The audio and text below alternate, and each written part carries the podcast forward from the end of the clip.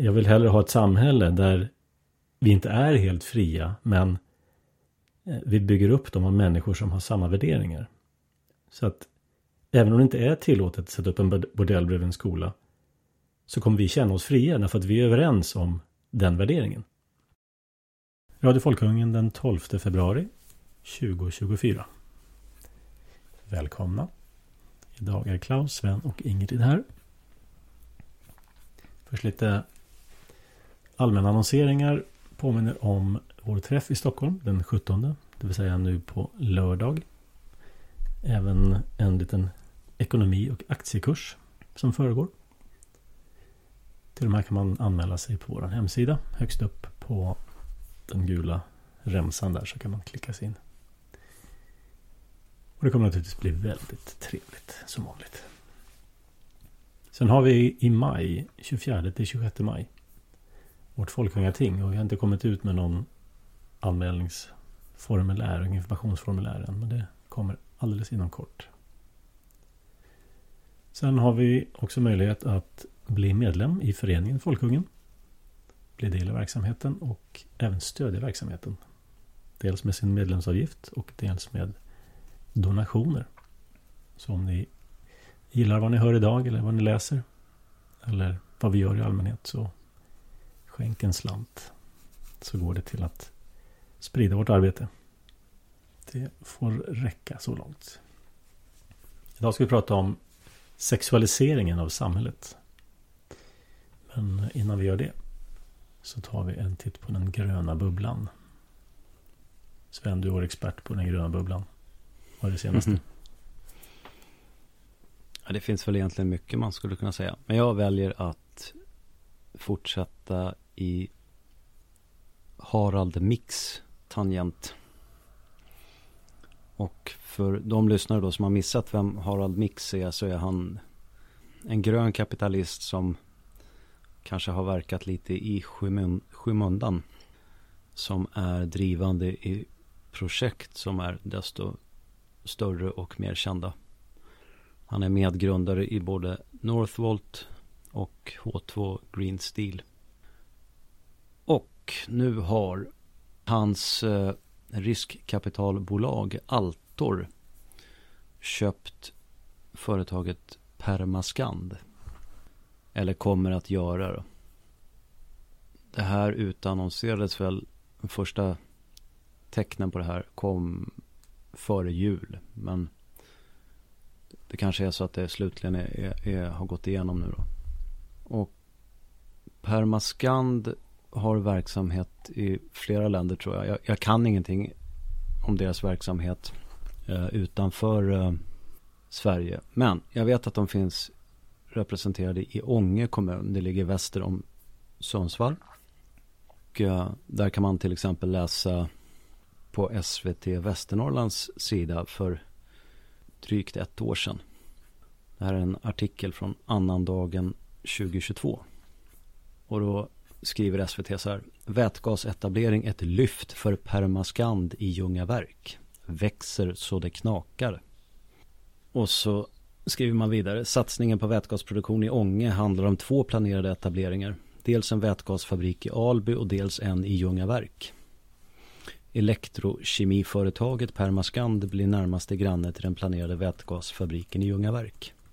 Och eh, jag tror att Permascand håller på med katalysatorer och elektroder och, och sådär som är en viktig komponent då i när det gäller att, att, att framställa vätgas med elektrolys. Men vi behöver inte gräva ner oss i detaljer.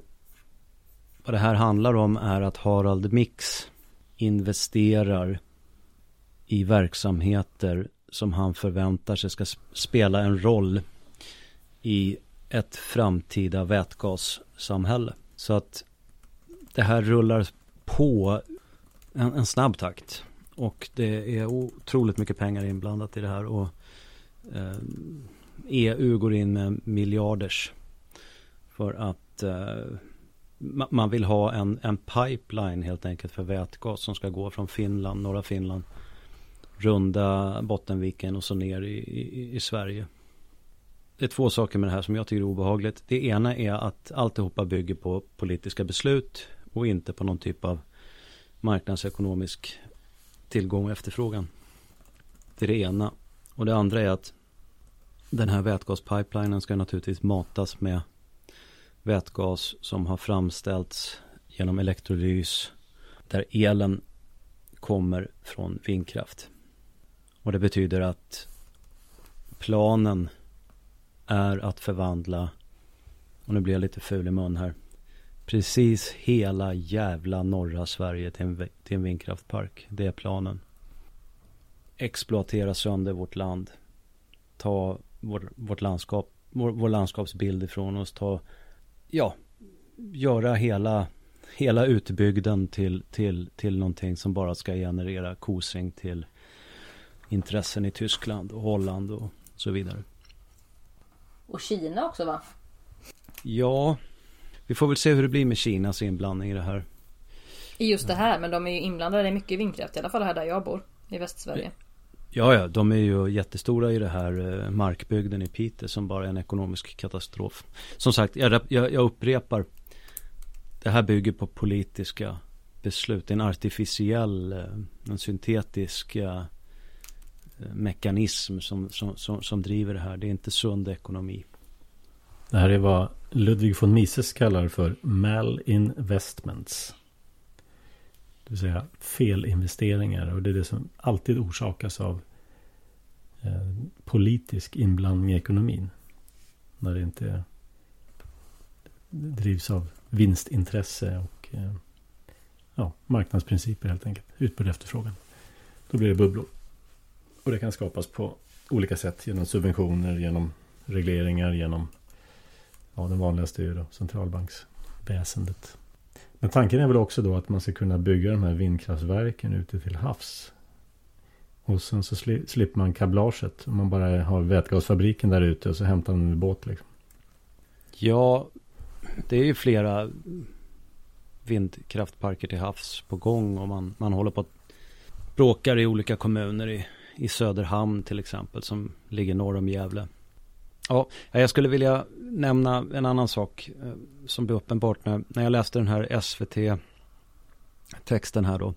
Så under SVTs artiklar så har man alltid en liten underrubrik där det står relaterat. Och sen så kommer en radda med länkar till artiklar eh, som tangerar samma ämne då. Och de här artiklarna har en liten preview så att man kan se vad de handlar om. Och det blir väldigt tydligt då. Här har SVT Västernorrland har mellan, ska vi se datumen här, mellan 12 december 2022 och annandagen 2022 så har man på lilla SVT Västernorrland skrivit en, två, tre, fyra, fem, eh, sex, sju artiklar om ja, på temat vätgas då. Mm -hmm. Och uh, det börjar med att ny detaljplan antagen för vätgassatsningen i Ånge. Sen så kommer nästa artikel, följ med till Sveriges största ställverk strax söder om Ånge. Ett ställverk är alltså en transformatorstation. Det får man ändå säga är nästan en turistattraktion. ja, ja, ja. Och så kommer nästa. Kommunalrådet säker på att vätgasfabriken i Ånge blir av. Citat. Enorm boost för oss. Så kommer ytterligare en. Sigrid är spindeln i Ånges vätgasnät. Citat. Vi ser inget som kan stoppa satsningen. Nästa. Så går det till. Kemiläraren Ronny i Ånge förklarar hur det fungerar med vätgas. Du, den ska jag läsa och lära mig faktiskt. ja, och så kommer nästa. Unga om vätgasfabriken, citat, nu blir det borta bra men Ånge bäst. Där det är då lite positivt, just den delen. Ja, och så kommer nästa. Miljardsatsning skakar om i krisdrabbade Ånge, citat, mer framtidstro. Men jag menar ju på att det här följer ett mönster. Vi har sett förut då lokalt i, eh, eller regionalt i Västernorrland, hur de här fullkomligt hjärndöda redaktionerna, oavsett om det är på P4 Västernorrland, SVT Västernorrland eller på, på privat eh, mainstream media, Bonnier. Alltså de är helt alltså bokstavligen efterblivna. Det enda man är intresserad av det är att framställa saker som så otroligt bra. Sen om det blir skit i efterhand, då, då kryper man liksom aldrig till korset och, och, och säger aj då, vi målar visst upp någonting som aldrig blev något. Eller, så man, man, det är nästan en religiöst grundfäst ständig vilja att, att måla fram saker som så oerhört positiva. Det spelar ingen roll om det egentligen finns någon grund för det.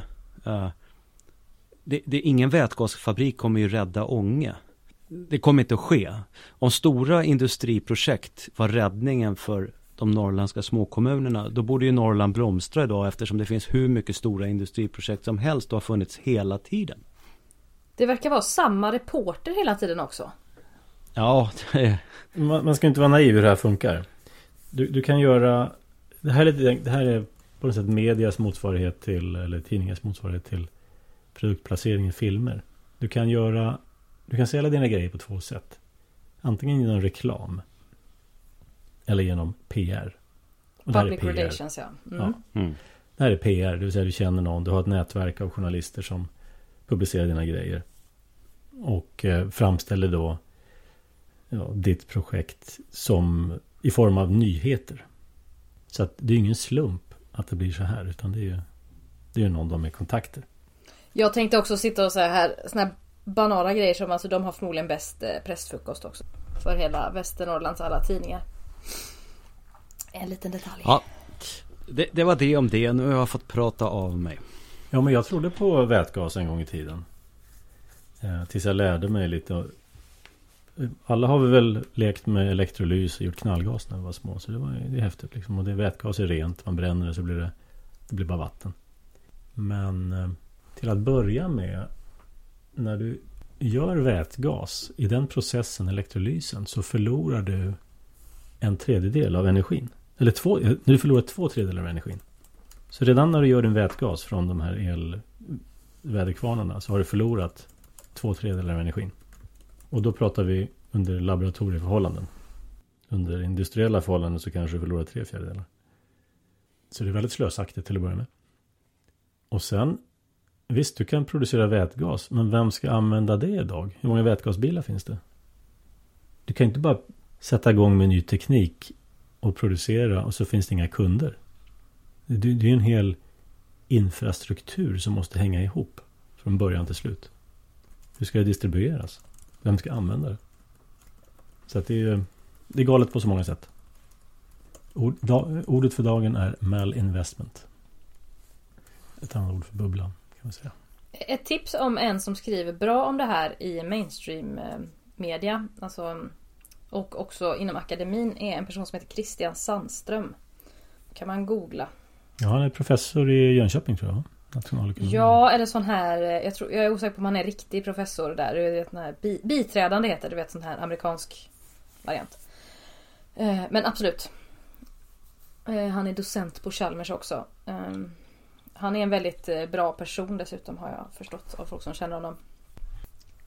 Mycket bra. Ja, det om den gröna det gröna helvetet. Den här Harald Mix förresten. Nu vet jag var han kommer ifrån. Mm -hmm. Han startade det här Altor. Ett mm. riskkapitalbolag i början på 2000-talet. Mm. Men han har hållit... Ja, hans namn har ju dykt upp först på senare tid. Men uh, han har varit i, i branschen under många år.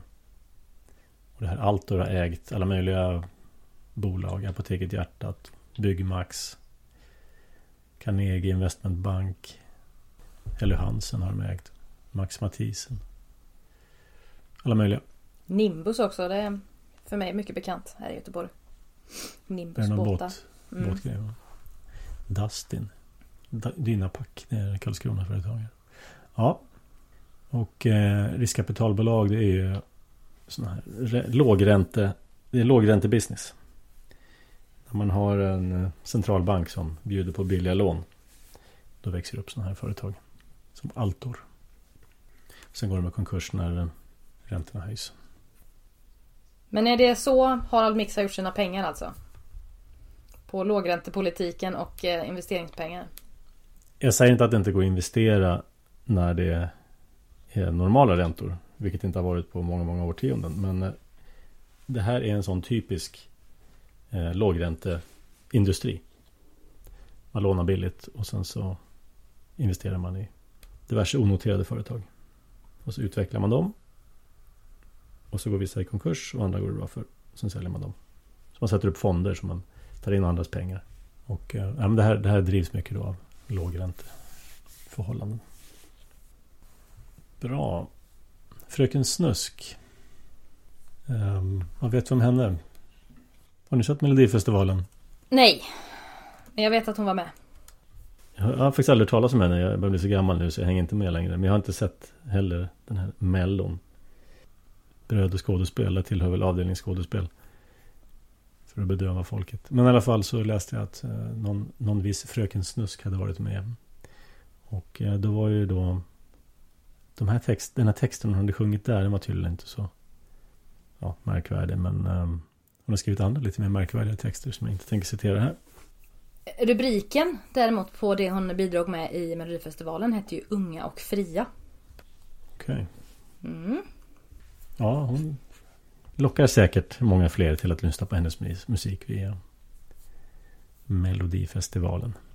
Ja, och Melodifestivalen, Fröken Snusk och många andra sådana sammanhang är ju ehm, en del i det som jag skulle kalla för sexualiseringen och för någon slags fördumningen av eh, populärkultur, inte populärkulturen kanske utan mer offentligheten. Eh, den här eh, som vi har pratat om tidigare att vräka ur sig både det mest privata och sånt som kanske inte, har, ja, men inte, inte passar i offentligheten att ha det i offentligheten. Bland annat då den här extremt eskalerande sexualiseringen av i princip alltså allt. Det är, jag tycker det är någon gliring i de flesta underhållningsprogram eller till och med liksom Antikrundan har börjat bli att de har såna här små sexualiserade glidningar hela tiden. För att inte tala om barnprogram. Där det ju är den här, det valsade ju runt för några år sedan den här eh, broschyren som skulle gå ut till mellanstadiebarn. Jag kommer inte ihåg vad den hette nu men Alltså extremt explicita eh, sexuella förslag och eh, ja, men sånt som är närmast det jag skulle kalla för eh, fetischer. Som ska upp i ansiktet på relativt små barn. Ja, sen har vi du, du skrev ju en text om det där för, det måste vara kanske något år sedan. Om det här med det privata och det offentliga och mellan så att man hela tiden lyfter ut mer och mer privata saker ut i offentligheten. Ja, och vad gör det med, med människor? Och eh, samtidskulturen. Vad är era reflektioner kring det? Ja, man kan också fundera på vad som orsakar det. Men eh, börja med frågan vad det, vad det gör. Eller har ni några exempel och vad gör det? Det är de två frågorna jag börjar med. Ja, vi har, det finns många exempel. Ta de här Drag Queens till exempel. Var det tvn eller radion som gjorde någon dokumentär om någon 12-årig pojke som var drag queen liksom. Ja, så har de ju gjort den här RuPaul's Drag Race i Sverige. Den var ju en liten sån nischprogram för ja, men folk som är intresserade av det helt enkelt. Men nu har det ju blivit någon slags familjeunderhållning istället. Och det är en märklig förskjutning som jag ser det. Det är som att börja visa upp burlesk för barn. Ja, vad gör det? Vad gör det med samhället? Den här pornograferingen av det offentliga rummet. Sexualisering och till viss del pornografering också. Ja, det, det, vi, det vi vet i alla fall är ju att familjebildning och sånt. Alltså familjebildning försenas i samhället. Jag undrar om det inte finns en uh, koppling till det här. Ja, där, det har ju blivit en stark koppling mellan att uh, sexualitet och det som kan komma då av sexualitet. Som, för att citera min farmor född 1917. Att det kunde bli sånt av sånt, det visste inte jag. eh, men det är ju inget av barnen här nu som inte vet det skulle jag tro. Alltså det är väl kanske inte positivt i och för sig. Men eh, det har ju mer en betoning på lust och lek och allt det. Än någonting annat än att eh, sexualiteten har med livet och allvar att göra om vi kallar det sig så då. Ja men så, så, så, är det ju. Och det som har hänt det är ju att vi har fått massdistribution av nakenhet och sex. Eh, alltså andra människors nakenhet och andra människors sex. Och det är ju internetporr då naturligtvis. Men även nakenhet är, är anspelning på det sexuella i ja, mainstream media och vanlig underhålls-tv och så vidare. Men... Som sagt till och med Antikrundan. Jag har noterat det senaste säsongerna här att det ska hela tiden vara något lite hihihi. Och då pratar jag inte om Anders sonetsningar utan annat. Jag tror jag nämnt det någon gång tidigare att i början av 90-talet så blev, var det ju ett hiskeligt liv på kvinnosakskvinnor. Om eh, halvnaka, nakna, fagra damer på reklampelare i den offentliga miljön. Det var väl den Claudia Schiffer och Anna Nicole Smith-kampanjerna som H&M hade va? Som gav riktigt ramaskri. Ja, och det är ju så här i efterhand, alltså med tanke på hur samhället ser ut nu så är det ju, det är ju helt oförståeligt. Och för, för min del så har ju hela den här förändringen till och med skett i vuxen ålder. Vilket ju, ja, på färre än 30 år så har, har jag sett hur, hur, hur man har gått ifrån det här då, vad ska vi kalla det, Anna Nicole Smith eh, eh narrativet till, till, eh, till dagens situation då. Det är en oerhört snabb förändring.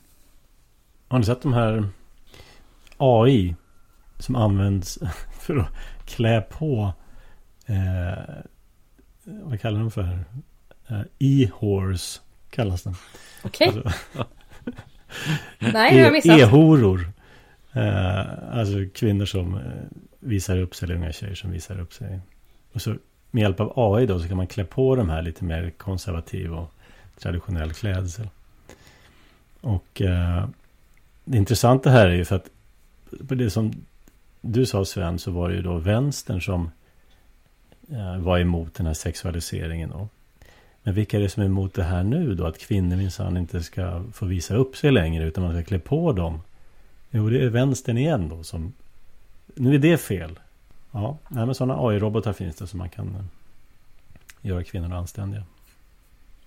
Vi, vi, vi, lever ju just nu i Eh, man säger, händelserna efter eh, 7 oktober i Israel har ju, har ju lett till, jag uttrycker mig så här för att provocera nu, eh, att muslimer har blivit lovligt villebråd. Det är helt okej okay helt plötsligt att i vitt skilda sammanhang uttrycka sig direkt nedsättande om, om Mellanöstern, kulturer och folk så länge de är muslimer. Och den som, som tycker att jag hittar på nu har uppenbarligen inte prövat det här på Facebook. Därför att algoritmerna idag accepterar nära nog vad som helst. Som man påstår om muslimer. Ja, så är det så? Uh, ja, ha, Har du sett det skiftet uh, nu, senaste halvåret här? Ja då, det... Jag, jag, jag kan inte bevisa det. Men, men uh, jag, eh, jag påstår att det är så. Och det jag finner intressant det är att som en del i det där så finns ett narrativ som går ut på arabiska muslimska kvinnor.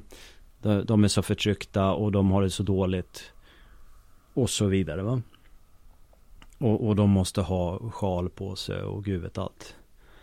Jag har liksom aldrig fattat riktigt på vilket sätt det är min uppgift att lägga mig i det där. Så att jag, jag försöker undvika sånt där prat själv. Va? Det, är inte, det ankommer inte på mig att reformera hela världen i, i, i den riktning jag själv tycker är det rätta sättet att leva. Va?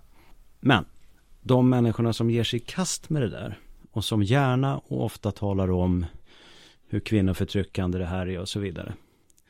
De människorna ser överhuvudtaget inte vad vi kan kalla då dekadensen i vårt, vår egen kultur. Så att om man lägger i ena vågskålen fjortisar i, i, i, i Sverige och USA som klär sig som någon porraktris. Och sen så jämför man det med den syn, måste säga, sexualkonservativa, mycket sexualkonservativa syn som finns då i, i Mellanöstern. Så tycker inte jag att det här är så jäkla självklart att att man ska förespråka den västerländska modellen. Därför att den västerländska modellen den har helt enkelt löpt amok. Den är inte längre på något sätt och vis ett föredöme. Utan den, den är äcklig helt enkelt. Sen, men måste nästan prata om det här ämnet och gå tillbaka till eh, de kommersiella p-pillrens eh, intåg. Och ända sedan den tiden har det ju funnits diskussion om, egentligen från båda håll i kvinnorörelsen om det är en bra eller dålig sak för kvinnor. Men jag tycker Ja, det är inte mycket senaste 30 åren i alla fall som har sagt att det är någonting annat än bara bra för kvinnor med frigörelse och allt vad det de kallar det. Men samtidigt när någonting inte har ett pris längre, då blir det ju Det ställer ju dynamiken på ett annat sätt. Det här har vi pratat om någon gång innan. Det var någonting du har tagit upp Klaus. Jag kommer inte ihåg vad du sa då. Det var något med eh, Jo, men att sex, släppa sexualiteten fri. Ja, just det. Det har ju gjorts undersökningar på vad det där gör med ett samhälle. Problemet med den här liberala synen att jag kan göra vad jag vill och det så länge jag inte påverkar någon annan eller så länge jag inte skadar någon annan. Det är det att allt jag gör påverkar andra. Även om jag inte skadar dem fysiskt.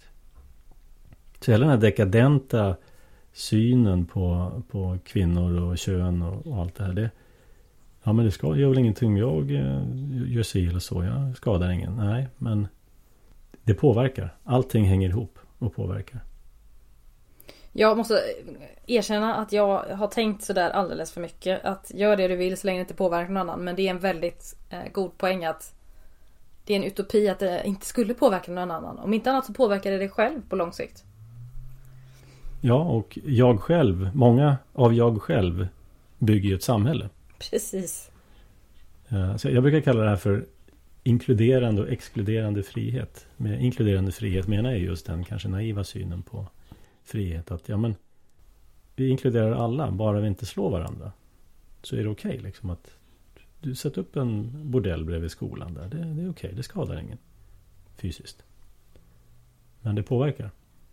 Och därför har jag övergett den exkluderande frihet, den inkluderande friheten till förmån för exkluderande frihet. Det vill säga Jag vill hellre ha ett samhälle där vi inte är helt fria men eh, vi bygger upp dem av människor som har samma värderingar. Så att även om det inte är tillåtet att sätta upp en bordell bredvid en skola så kommer vi känna oss fria därför att vi är överens om den värderingen. Att det är en olämplig sak ja. Att ha till exempel folk med sexuella perversioner och fetischer att visa upp den för småbarn. Det är en annan sån norm vi inte har längre helt plötsligt. Nej. Men i vissa fall med det där, med drag queens och så, så funderar jag på om det inte är ren okunnighet alltså. För att de flesta tror bara att de har klätt ut sig till clowner och att alla barn gillar glitter och fjädrar och sånt. Så det spelar väl ingen roll. Men om man ser på vad det faktiskt är som de visar upp så är det någonting helt annat. För att återknyta då till att Ja, det privata helt plötsligt ska visas upp överallt. Mm. Jag satt här eh, med en av mina systrar häromkvällen och vi diskuterade gamla minnen från vår uppväxt och vår skoltid. Kom in på skolmaten. Och eh, så kom vi in på ett, eh, en maträtt som kallades rea-kött. Mm-hmm. Vi fattade aldrig vad det var men det, det, var, det var en typ av skuret kött. Det här hade tre, fyra olika namn men det var exakt samma maträtt. Vi förstod aldrig varför liksom, rea, det ska vara något billigt kött. Ska det vara någonting man sätter på menyn? Liksom? Eh, men med den kvinnliga frigörelsen så har kvinnokött aldrig varit billigare. Det är rea på kvinnokött. Ja, väldigt snygg övergång verkligen. ja, men alltså, Porren är gratis. Du kan få hur mycket du vill på internet utan att betala en krona. Kvinnokött kan du få gratis i stort sett också om du inte är strykful. Va? Förr i världen så var ju kvinnans kropp, det var liksom det högsta priset. Gå igenom din gamla släktforskning eller dina, dina gamla släktingar så ser du att ja, de flesta gifte sig innan de hoppade i sänghalm med varandra. Eller åtminstone gifte sig ganska snart efter. Väldigt nära anslutning. Ja. Därför att ja, det var så man gjorde.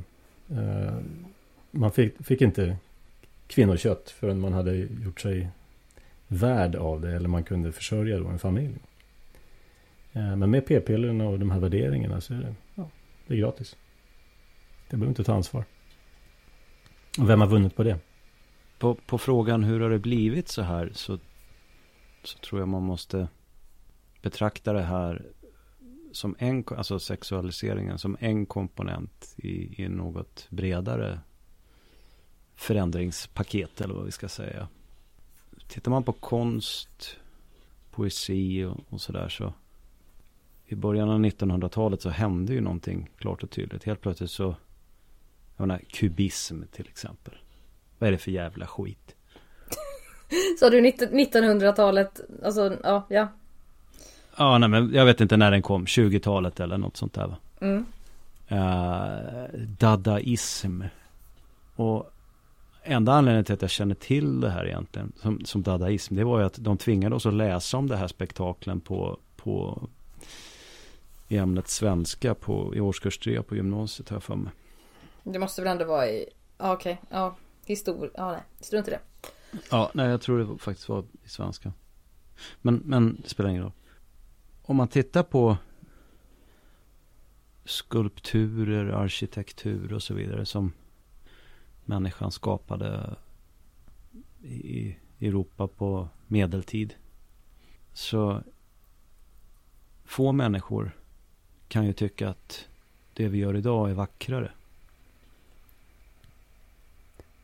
Ja, men jag tror att det är avsett att förnedra och bryta ner. Ja men precis. Men vi lever, min poäng är, vi lever på något sätt i, i, i ett fult tidevarv. Alltså extremt. Ingenting liknande kan vi se i, i historien.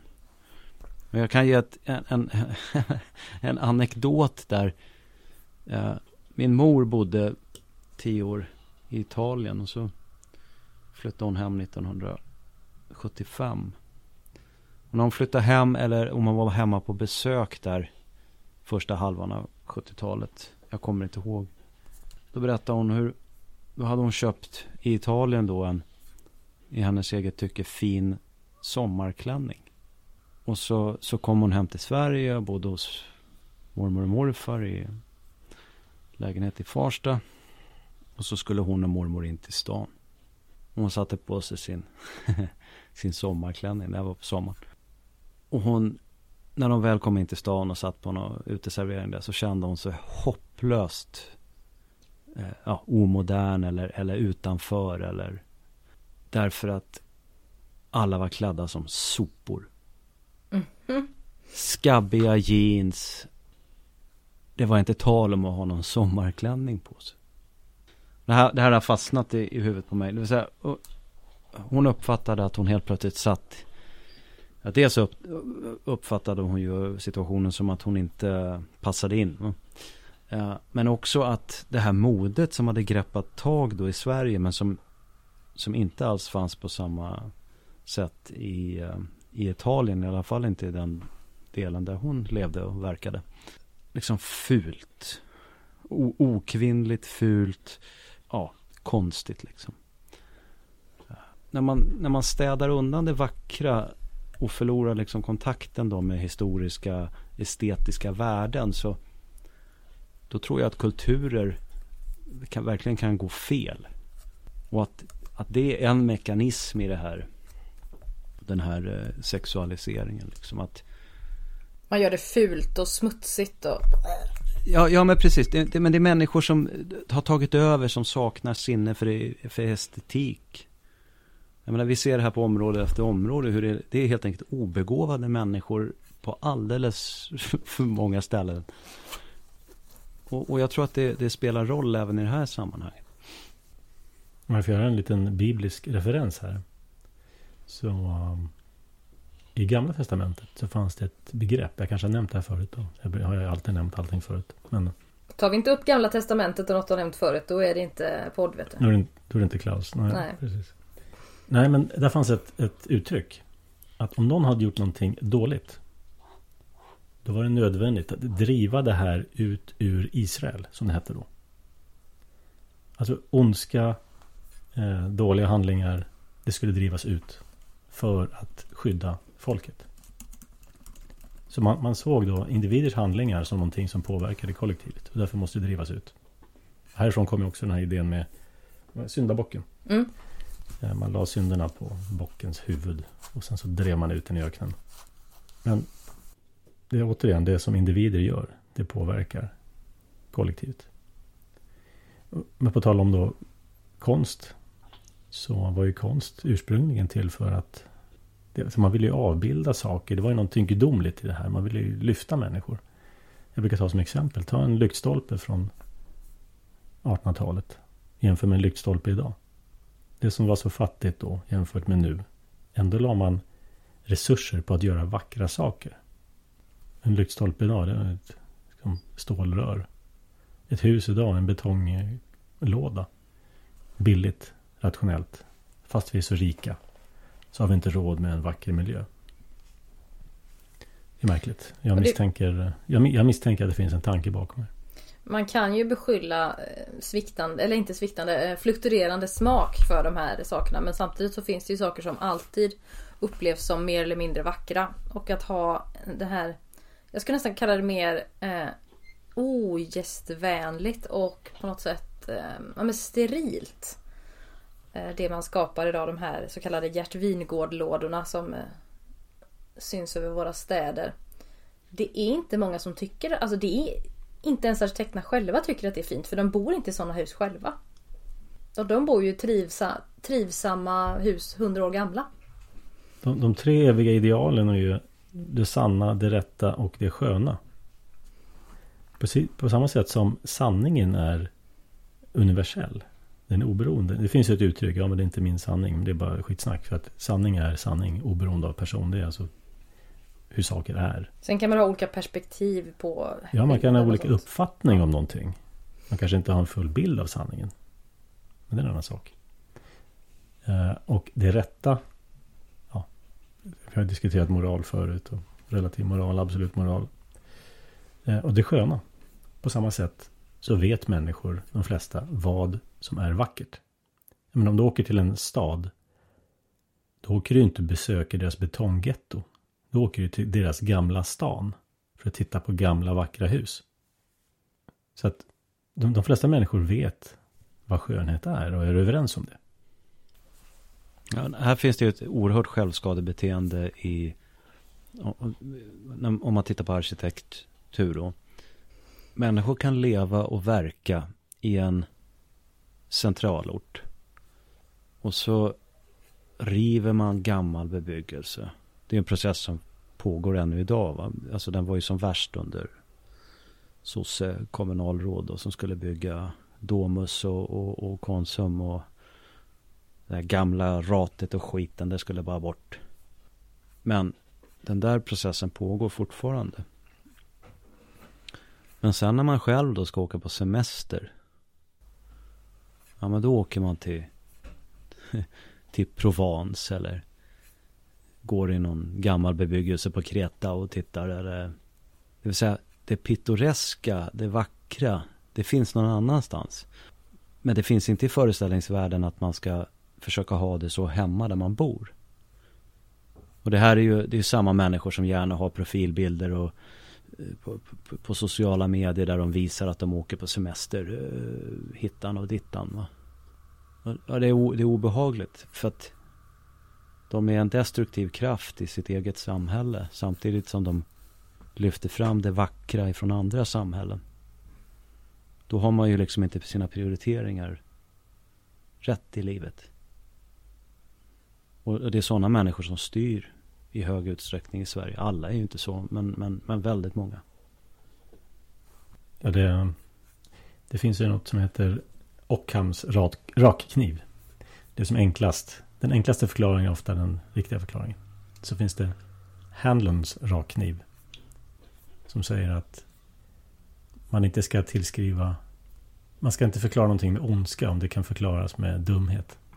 Så det är den eviga frågan. Är det dumhet eller ondska bakom? Och jag brukar alltid säga att det mesta är nyttiga idioter som ligger bakom. Men eh, någonstans så finns det också onda människor med tillräckligt mycket intelligens. För att förstå eh, att de skadar. Och vill göra det. Och det tror jag går igenom mycket av det här. Både den allmänna förfulningen och arkitekturen och pornografin då för att återknyta till och snusket. återknyta till ämnet. Och sexualiseringen av barn som ju har eskalerat något enormt bara senaste åren. Ni som har lite längre vuxenperspektiv än vad jag har. Skulle ni säga att det är senaste ja, fem, tio åren som det har blivit sån här riktig rovjakt nästan på barnens eh, så kallade sexualitet. Och då pratar jag inte det ur en freudiansk synvinkel utan mer. Ja, ja, ja men det, det, det, stämmer därför att eh, min familjs yngsta barn är född eh, år 2000. Och med henne så uppfattade inte vi det här. Eh, utan det har kommit efter det. Så att eh, garanterat de sista tio åren. Och jag, jag, skulle vilja nämna en, bara väldigt konkret och nämna en, en kraft i det här sammanhanget som jag tror har, inte kan förklara hela den här utvecklingen, men som definitivt har bidragit till den. Väldigt mycket. Och det är RFSL. Mm. De blev utnämnda till årets lobbyistorganisation någon gång tidigare under 2000-talet. De har varit extremt framgångsrika. Deras arbete kan beskrivas närmast som totalitärt. Alltså allomfattande. Man vill ha in frågor som rör sexuell läggning. Och eftersom sexuell läggning kan ju inte överhuvudtaget behandlas utan att behandla sexualitet. Det ligger liksom i sakens natur. Och RFSL har velat ha in sexuell läggning i precis, i precis allt. Och eh, en god vän till mig som för övrigt eh, kämpar på med Folkungens Twitter. Han grävde ner sig i det här för ett antal år sedan. Oh, spännande. Ja, och fick fram då material som man inte ser annars, va? men som distribueras till Sveriges skolor. Eh, finns då ett kompendium som, jag har inte titeln, jag har några screenshots framför mig här nu. Men... Ja men det var det jag refererade till förut idag. Eh, det lämnas ut till mellanstadiebarn där det är väldigt explicita bilder som är tecknade på så här nästan alltså, obehagligt sätt. Ja, de är, vidriga den där. Ja. Men eh, nej, inte alltså, den? Eh, nej inte den, utan det här är en handledning till lärare. Jaha okej. Okay. Mm. Och, och jag har då, eh, jag kan beskriva lite snabbt här då. Nu tittar jag på en bild från den här Eh, Eh, då är det, eh, eh, den är tecknad, det är ett antal unga människor som är, är, för det första är det uppenbart att de är ras, de är, det är en etnisk casting här. Så det är svarta, gula, vita och så vidare. Va? Uh, dessutom så har man lyckats knö in en tjej i rullstol då, så att då har vi funkisvärlden representerad va. Ja, och så håller de en stor banderoll där det står bekämpa homofobi och transfobi i skolan. Och fettfobi kanske också. Ja. Kan, kanske om vi har tur. Och sen har vi här eh, försättsbladet i kapitel 4. Systematiskt hbtq-arbete för en inkluderande skola. Mm -hmm. Kapitel 5. Att integrera hbtq-perspektiv i ämnen och gymnasieprogram. Nej. Jo, jo. Ja, jo, jo, jag fattar. Uh, jag bara blir så här. Uh. Ja. Uh, HBTQ i undervisning till nyanlända elever. Ja, det kan behöva. ja. Där har de uppförsbacke. ja. Matematik och fysik. Alltså, man, man, man, vill man, man vill implementera det här i samtliga ämnen på gymnasiet. Man, man är väldigt konkret. Exempel på hur spegla må många olika människotyper i undervisningen. I till exempel räkneövningar. Uh, där det ingår namn och pronomen kan du som lärare enkelt skriva Max och Metin ska köpa en bostadsrätt istället för Pelle och Lisa. Ja, ja, okej. Okay. ja. Delta och Gamma ska köpa en, kan, ja, kan vi byta till tycker jag. Ja, så finns det då en, ord, en ordlista med i den här handlingen, eh, handledningen då. Jag, jag, jag, det, är bara, det är en screenshot från den. Jag har den på deras hemsida här också. Ja, asexuell, bifobi, bisexuell, cisnorm, cisperson, drag king, drag queen, hbtq, hen, heteronorm och så vidare. Va? Det här har haft ett enormt inflytande på skolan. Hundratusentals elever. Alltså man kan räkna eh, lite grovt med att en årskull i Sverige är hundratusen individer. Så hundratusentals unga människor har som elever i skolan hunnit exponeras för det här. ett, ett evigt tjatande om sexuell läggning, sexualitet. Där RFSL har haft mycket inflytande och varit en eh, drivande kraft. Det som jag har jätteproblem med, med alla de här eh, alltså särintressena då. Att de också slår ihop det med mänskliga rättigheter eh, på ett sånt här övergripande plan. Alltså återigen det här, det finns subgrupper som det här berör på riktigt. Det vet jag. Det finns personer, väldigt få, med det allvarliga medicinska tillståndet att inte riktigt ha det, det heter väl något så här Alltså hermafrodit är det gamla begreppet. Då är det väldigt explicit med kroppen och sådär. Men det finns ju de som har en speciell genuppsättning som inte riktigt stämmer. Men de är få. Det finns absolut homosexuella, bisexuella, alltså absolut, det ifrågasätter jag inte. Men att tvinga på de här människorna att det ska vara en så stor del av deras identitet hela tiden. Det tycker jag är så omänskligt och bara rent ut sagt konstigt. Du kan ju inte bygga ett samhälle på alla undantag. Nej, det är lite svårt. Du, du måste ju ha en norm någonstans. Så finns det avvikelser från normen, så man hanterar det. Samhälle, ordet samhälle kommer ju av att hålla samman. Och ju fler sådana här ismer och, och, och eh, fetischer och perversioner och eh, ideologier och idéer som du håller på med och lyfter fram, desto mer splittrar du. Försök att driva en, eh, en armé idag med alla dessa balettdansöser och, och sexuella särintressen och vad det nu är för någonting. En, en armé, slagkraften får man när den rör sig tillsammans, synkroniserat. Det är därför du har uniform. Det är därför du har en viss typ av vapen, samma kaliber. Alla förstår samma språk, samma värderingar. Du kan inte, du kan inte bygga ett samhälle på ja, fetischer och undantag och sjukdomar. Så att, eh, det är helt upp, upp och ner alltihop. Ja visst, du, du, du kan ha en mänsklig rättighet att man får vara annorlunda. Visst, men du måste ändå ha en norm. Det som vi strävar mot. Ja, annars det finns det ju heller ingenting att vara avvikande från. Så att det är jobbigt för dem också när de inte har till slut när alla är ingenting. Hur ska man passa in om man ständigt blir påmind om att man är annorlunda? Ja, det är också märkligt. Ja, men det är folkuppfostran i, i, i, i, är ju en viktig komponent i det här. Att, att uh, snöflingorna ska skydda sig mot rådande majoritetsuppfattning så att säga.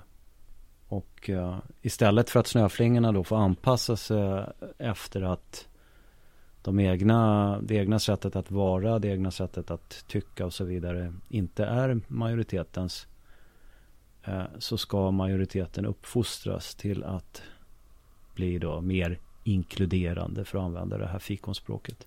Men min fråga kring sådana där just inkluderingsidén. När har absolut att det har funnits Eh, sammanhang där det finns stor ignorans och intolerans mot viss avvikelse. Men jag vänder mig mot att det har varit så i Sverige senaste 150 åren. Att det har varit så fruktansvärt in intolerant så länge du beter dig enligt samhällets normer. Och då menar jag inte att du inte får Ja, de brukar ju ofta använda kärlek är fint oavsett vad det är. Det är aldrig någon som har förbjudit någon att känna någonting. Det går liksom inte rent eh, Man kan inte förbjuda folk att känna någonting. Nej, men, och man behandlar ju tidigare generationer så respektlöst. Därför att man har den här synen på människor då. Det här är väldigt vänster. Det jag beskriver nu. Det är vänstermänniskor är på det här sättet. De betraktar tidigare våra förfäder som dumma i huvudet helt enkelt. Och intoleranta, okunniga om allting. Ja, käns känslokalla, ointelligenta och så vidare sådana här Asperger-liberaler, de, de har samma uppfattning. Och, och, jag tycker det här är så... Alltså människan byggde pyramiderna för flera tusen år sedan. Det, det är den värsta formen av högmod och tro. Alltså om du tar någon sån här skrivbordsfjättrad funktionell idiot som inte kan slå i en spik med en hammare. Som sitter och hävdar att vi just nu skulle tagit ett evolutionärt skutt. Och själv är just han kronan på verket. i, i, i sin idé och föreställningsvärld. Det är högmod. Det är, väl en, är det en dödssynd? Nu det är den första. Ja, det är den första. Ja. Den kallas super, heter superbia på latin och eh, symboliseras av påfågeln.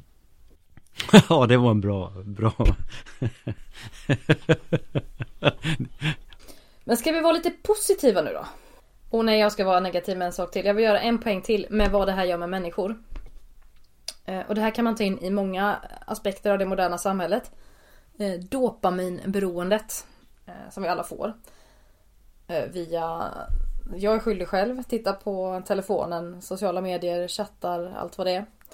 Men att ständigt ha tillgång till den här typen av eh, snusk på internet eller eh, det, det skapar beroenden och gör en avtrubbad och det här kan man kemiskt se hur eh, hur det försämrar både motivation, soci- vad heter, nej, vad heter det, psykisk hälsa och alla möjliga parametrar som blir sämre av att hela tiden konsumera den här typen av lättillgänglig sexualisering.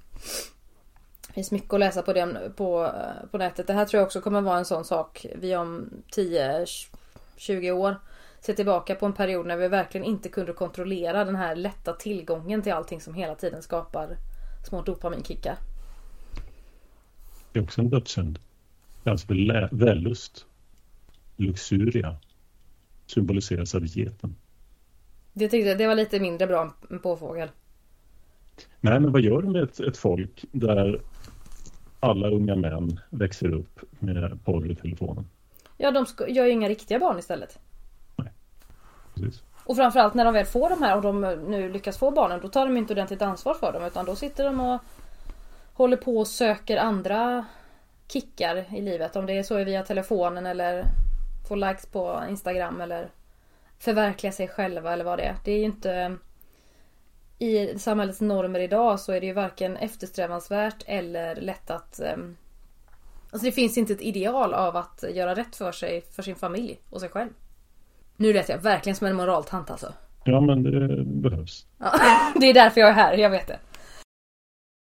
Men, men det är också så att om vi tittar på de gamla värderingarna som vi hade i det här landet. De här förlegade prusiluskorna och gubbar med hatt och sånt. Just det. Eh, så var det ju så att det här, de värderingarna ledde till ett framgångsrikt samhälle som vi surfar på nu. Eh, det ledde till välstånd, det ledde till utveckling, det ledde till en stark befolkning. Och tittar vi på vem har de värderingarna idag i Sverige? Jo, det är till exempel muslimer. Eh, stora familjer, ja, föräldrar som tar hand om sina egna barn eller skickar dem till staten. Förmedlar starka värderingar. Och, och sliter för sitt levebröd hela tiden också. Ja, det här är värderingar som vi hade en gång i tiden. Jag tror att den som har de värderingarna och lever efter dem, den vinner. Så att eh, vi har mycket att göra om vi ska, om vi ska vinna. Eh, jo, jag skulle säga tidigare också, som jag glömde bort, är att vi ska inte vara naiva. Därför att de här, den här, de här värderingarna, dekadensen, det är ju del av den här så kallade kulturmarxismen. När, när man insåg att våldsmarxismen inte var något framgångsrecept för att det var ganska lätt att genomskåda att den här var ondska. Så övergick man ju till att försöka påverka människor kulturellt med värderingar. Där började Tyskland och sen blev de utsparkade eh, av nationalsocialisterna. Så hamnade de i USA och sen så sprider de sina värderingar därifrån från universiteten i USA till resten av världen. Det kan man, eh, kan man se i den här, eh, jag glömmer vad han heter, Juri någonting. Du tänker på han KGB? KGB-mannen. Ja. ja, precis. Man kan se det beskrivet där. Ja, precis. Så att, absolut finns det en plan bakom det här. Men vems är planen Klaus? Ja, det lämnar jag som övning åt läsaren som brukar stå i universitetsböckerna i matematik. Diskutera i smågrupper. Ja, precis. Ja, vissa saker vill man inte nämna offentligt så eh, det får man med en enkel googling kan man lista ut sånt. Uh, nej, så det är klart att det finns en plan att förstöra våra samhällen. Det, det är svårt idag att säga rakt ut till unga människor framför allt då, men även uh, unga vuxna. Att, ja men det där du håller på med där, det är bara idioti. Vad är det du tänker på då? Såna, I vilka sammanhang vill, vill du säga det till unga? I, i alla sammanhang. Därför okay. att... ja. Därför, jo, jo, men därför att, därför att det finns inte, alltså beprövad erfarenhet är idag ingenting värt. Att försöka förklara för någon att det där har prövats, det funkar inte bra. Utan varje generation förväntas att göra om exakt samma misstag som har gjorts av tidigare generationer. Det, det är så man förstör en kultur helt enkelt. Alltså när kollektivet inte tar tillvara eh, någon slags aggregerad erfarenhet. Alltså att man ackumulerar eh, kollektiv visdom. Om, om du kan få en kultur att sluta göra det, då är den dömd att dö. Jag har en artikel på ganska ja, publicerad idag tror jag. Som handlar just om hur viktigt det är att förmedla från generation till generation, att tradera. Det har vi också pratat om. Hedra sin fader och sin moder om du vill ha ett land kvar. Ett av de tio budorden. Och gör man inte det, då är man dömd att göra samma misstag om och om igen. Ja, och jag, jag är rädd att det kommer gå väldigt fort. Men problemet är ju här att i de generationerna som nu är vuxna, unga vuxna så är ju eh, föräldrarna en del av det. Så att hedra fader och moder för de som är 20 idag. Nu pratar jag inte om er två. Ja, därför jag brukar säga hedra dina förfäder. Ja, det är mycket bättre. Men jag brukar ställa frågan så här. Våra förfäders fördomar som vi hör så mycket om hela tiden. Just det. Var, de, var det för att de var dumma i huvudet? Eller är det vi som har varit naiva? Det är för att de inte har gått svenskt gymnasium. Nu skojar jag. Ja, men det är det som Sven sa. Vi utgår från att de var dumma i huvudet. Mm. Det var därför de hade fördomar som vi nu vet bättre idag. Man till exempel ska ha öppna gränser för att det är bara en fördom att inte ha det. Ja, just det. Eller är det vi som har varit naiva vad gäller öppna gränser. Är det så att vi har varit naiva där, då kanske det är så att vi har varit naiva på många andra ställen där de har fördomar. Men en fördom är just den här koncentrerade, ackumulerade livserfarenheten som Sven pratar om. Den hjälper oss att döma före, innan vi har fullständig information. Så är den en hjälp. Våra fördomar hjälper oss att döma innan vi har hunnit samla in fullständig information. Fördomar räddar liv. Ja, det, för att ge det här en riktigt sjuk knorr då. Uh, I mitt yrkesliv så arbetar jag en hel del med kemikalier. Och det finns ju en, uh, ett uttryck, försiktighetsprincipen, som Mm. det kan man använda i alla möjliga olika sammanhang. Men det är väldigt vanligt förekommande när man gör riskbedömningar av, av kemikalier. I princip så säger det att om man inte är helt säker på vad en kemikalie har för egenskaper så måste vi med, med avseende på hälsopåverkan då, så måste vi behandla den som om den vore farlig. Och det är att använda sig av försiktighetsprincipen. Men det här är ju då en fördom om kemikalien. Vi, vi säger fördomar om, om, om det människor för eh, de bedömningar de gjorde på, på ofullständig information. Men vad de egentligen sysslade med det var ju att tillämpa försiktighetsprincipen. Just det. Som vi nu kastar över bord med stolthet. Visar det fördomsfria Du nämnde också den här eh, beprövad erfarenhet. Inom sjukvården så pratar man mycket om evidens och beprövad erfarenhet. Eh, så mycket att man nästan är ovillig att förändra och testa nya procedurer. En extremt konservativ bransch. Men eh, i andra områden så är vi inte villiga att tillämpa den. Ja, kan det de andra dödssynderna? Högmod, påfågel, girighet. Vad tror ni det är för djur? Jag har det framför mig men det är väldigt bra. Räven. Så var det lusten som var get, avund som var hund. Då får du gissa på frosseri, Sven, du som inte har det framför dig. Frosseri. Gris. Det var ju elakt. Vrede, varg, lättja, åsna. Din dumma åsna ja.